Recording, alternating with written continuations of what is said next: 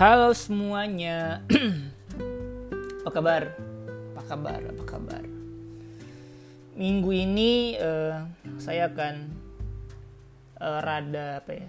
Cukup ada topik yang udah dari lama ingin di, dibahas, diobrolin sendiri kasarnya, monolog gini terkait uh, saham sebenarnya dalam cakupan besar secara umum bisa dikatakan investasi ya banyak orang bicara tentang investasi berbagai instrumen investasi dan sebagainya. Agar nggak terlalu melebar saya akan ngomongin hal yang hmm, saya terjun di apa ya saya investasi saham sederhana seperti itu banyak investasi lain seperti emas properti dan sebagainya. Malas eh, belakangan ini eh, ya banyak orang uh, investasi kripto gitu-gitu kan ya.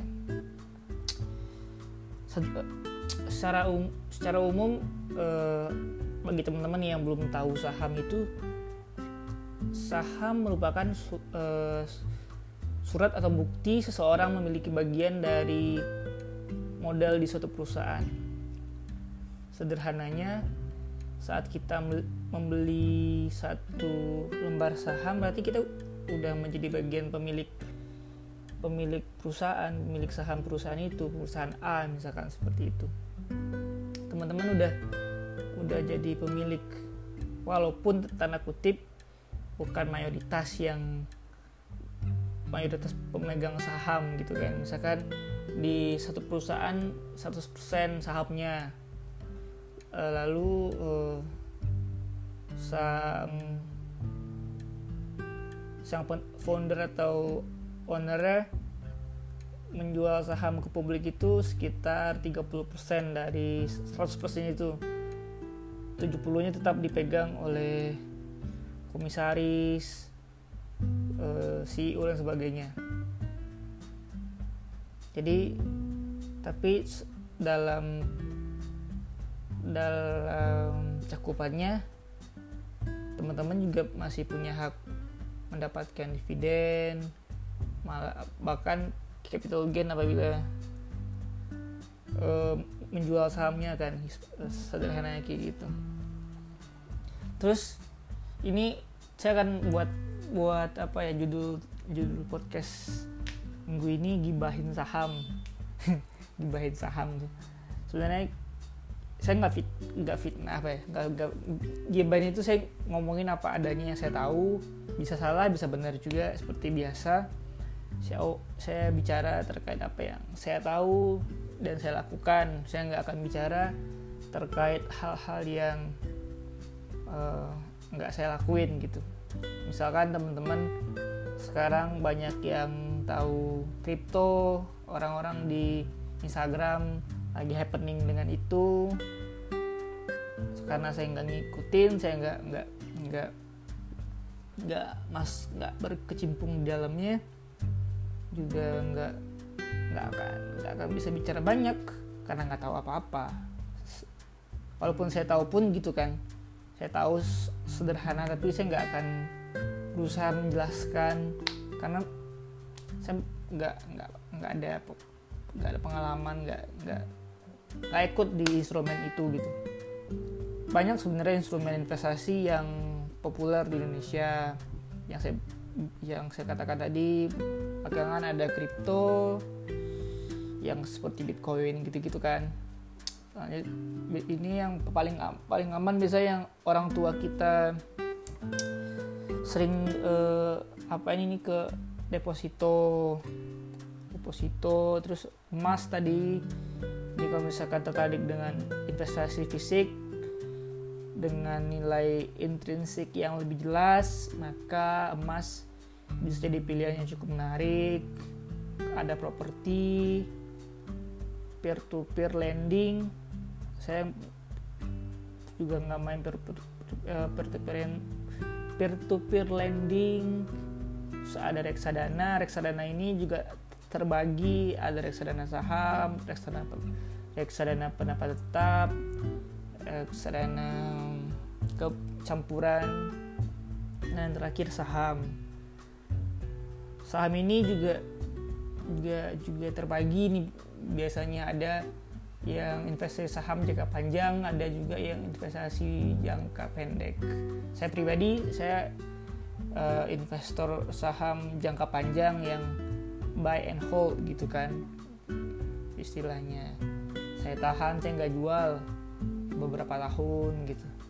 Namanya investor. Kalau teman-teman yang teman-teman yang beli saham terus jualnya per minggu gitu kan berapa hari gitu-gitu. Itu biasanya namanya trader gitu. Dia mencari ini kalau, kalau saya nggak salah juga ya mencari selisih harga. Misalkan dia beli di harga 50 misalkan gitu. Terus pas uh, sahamnya udah di harga 100 dijualnya. Kayak gitu-gitu. Kalau kalau kami yang yang investor ini yang jangka panjang naik turunnya saham kami nggak nggak apa ya nggak kaget sebenarnya. Itu orang yang mau masuk ke saham sebenarnya awalnya nggak nggak kagetan dulu. Saya soal saham akan fluktuatif kan naik turun gitu hal-hal biasa. Apalagi waktu pandemi kemarin kan itu saham anjlok-anjloknya gitu. Malah orang yang ngerti atau atau yang nggak perlu ngerti deh yang yang yang peka saham waktu turun itu dia belinya banyak belinya banyak. Terus uh, dibeli banyak kita hanya sampai sekarang terus naik gitu-gitu kan. Stabil aja dia belinya pas lagi turun waktu stabil berarti kan itu udah naik harganya kan? Seperti itu. Oh iya buat teman-teman juga sih juga mau bilang apa ya? Saya juga bukan investor yang gede yang yang yang investasi saham berapa m gitu-gitu enggak. Saya masih masih masih belajar masih kecil malah masih masih masih banyak juga perlu belajar. Tapi ini saya bicara dalam konteks pengalaman dan bagi teman-teman yang juga mau investasi juga juga juga tahu info eh, gimana sih gimana sih saham itu sebenarnya gitu kan. Terus saya kemarin juga tergelitik dengan teman-teman yang teman-teman yang investasi saham dengan uang kasarnya uang panas kan ya. Uang panas bukan uang dingin. Di, maksudnya uang dingin di sini saya investasi di saham itu uang ini nggak nggak nggak saya pakai dalam waktu dekat gitu. Nggak saya pakai di waktu dekat saya investasikan. Naik turun sahamnya ya ya udah itu nggak uangnya nggak nggak dipakai aja. Tapi ada beberapa orang oknum-oknum kan yang yang karena saham waktu itu lagi hype terus diminjem duit duit siapa gitu. Duit duit, duit siapa duit temennya duit orang tua atau gimana kan. Terus sahamnya turun dia bingung sendiri. Awalnya mau nak mau mau cuan katanya kan tapi kok tapi kok malah uh, eh, gak untung. Banyaknya banyaknya orang salah persepsi di sana. Mau investasi mau untung duluan. Apalagi belum ada apa dia belum belajar belum belajar banyak terus dia udah mau untung aja gitu. Dia ngikutin ngikutin si A ngikutin si B dia nggak dia nggak mau belajar sendiri dia mau cuan aja dia mau kaya. Kalau misalkan saya pribadi investasi bukan bukan bukan tempat untuk kita kaya. Saham investasi lainnya sama kayak deposito properti properti oke okay. berjangka naiknya kan.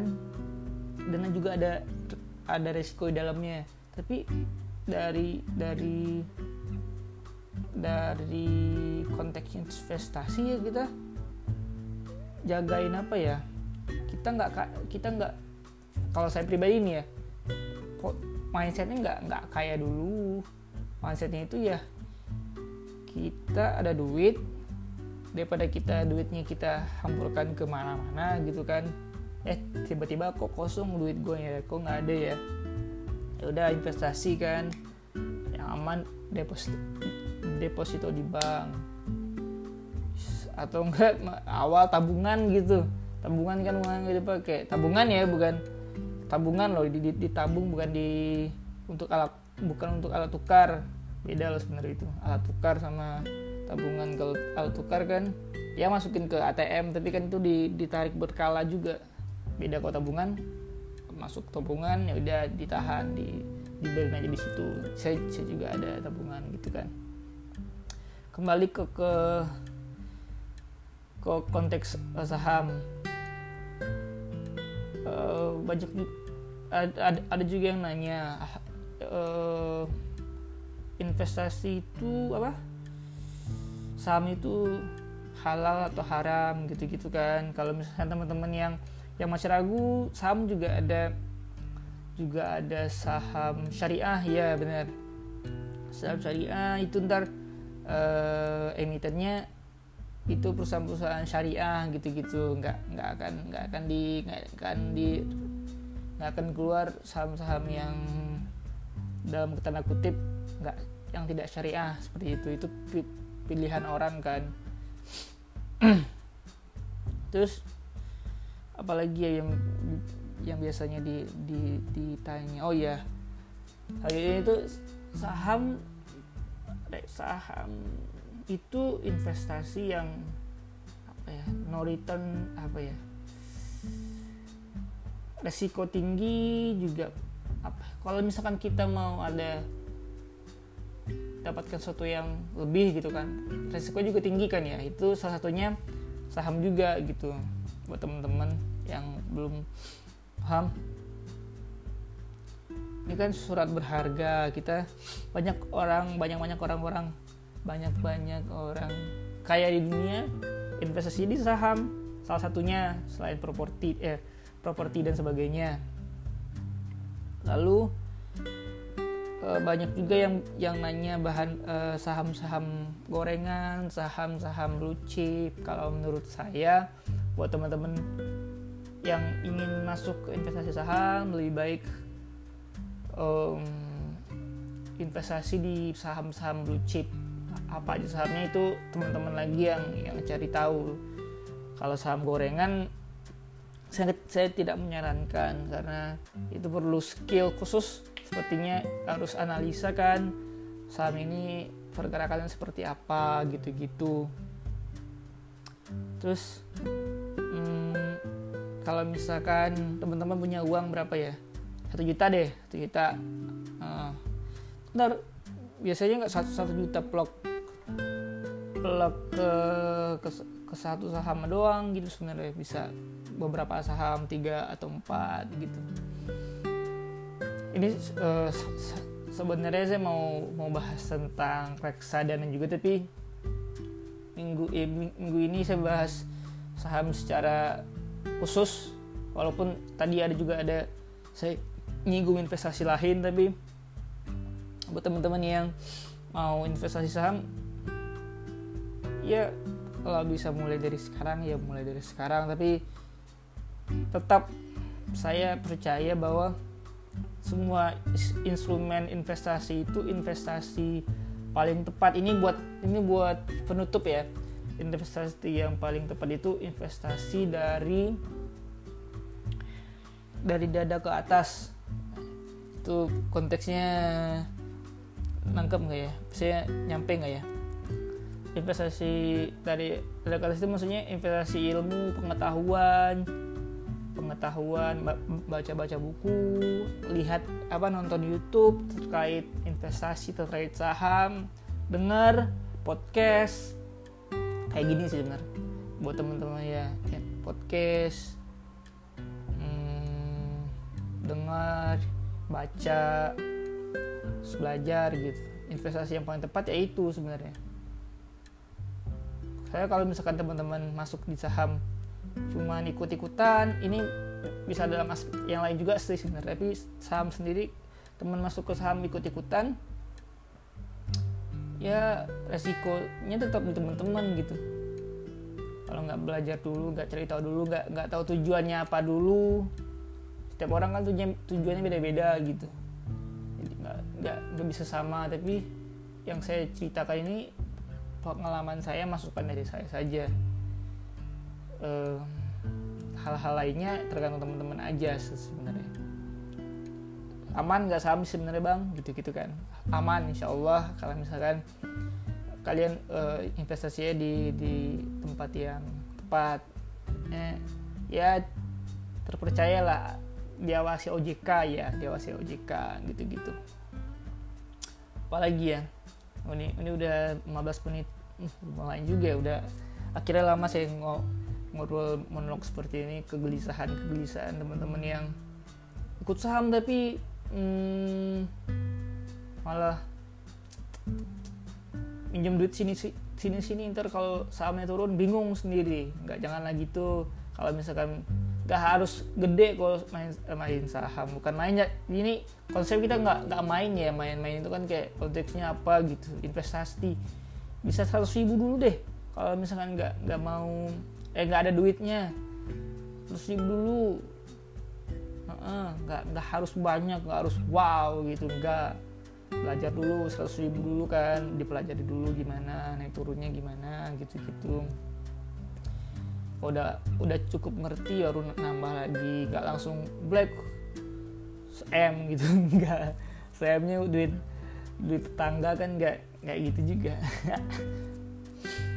Adalah semoga poin-poin dari hmm, saya podcast minggu ini sampai bisa buat teman-teman juga. Terima kasih yang udah dengar sampai terakhir. Maaf kalau misalkan ada penyampaian saya yang kurang tepat. Saya mohon maaf. Tujuannya saya tujuannya untuk edukasi kali namanya. Yang bahasa sederhana edukasi berbagi pengalaman aja. Walaupun saya nggak tahu teman-teman dengerin ini di mana di mobil kah lagi di kamar kah? Lagi lagi jogging kah? Tapi semoga semoga bermanfaat ya. Bermanfaat. Uh, sehat-sehat buat teman-teman semuanya di di mana pun di Indo di US teman-teman US apa kabar? Dan teman-teman di negara-negara lain. Kalau misalkan ada pertanyaan terkait saham khususnya bisa DM di Instagram saya. Kuning Usiayo itu sih saya aktif di Instagram doang sih kayaknya. Hmm, selain podcast yang nggak yang nggak bisa DM DMan kan. Bisa chat juga. Bisa kita kita konsepnya sharing aja. Di DM Instagram aja. Nah gitu sih. Baik sekian ya, podcast minggu ini. Semoga bermanfaat. Salam semua salam buat keluarga di sana. Dadah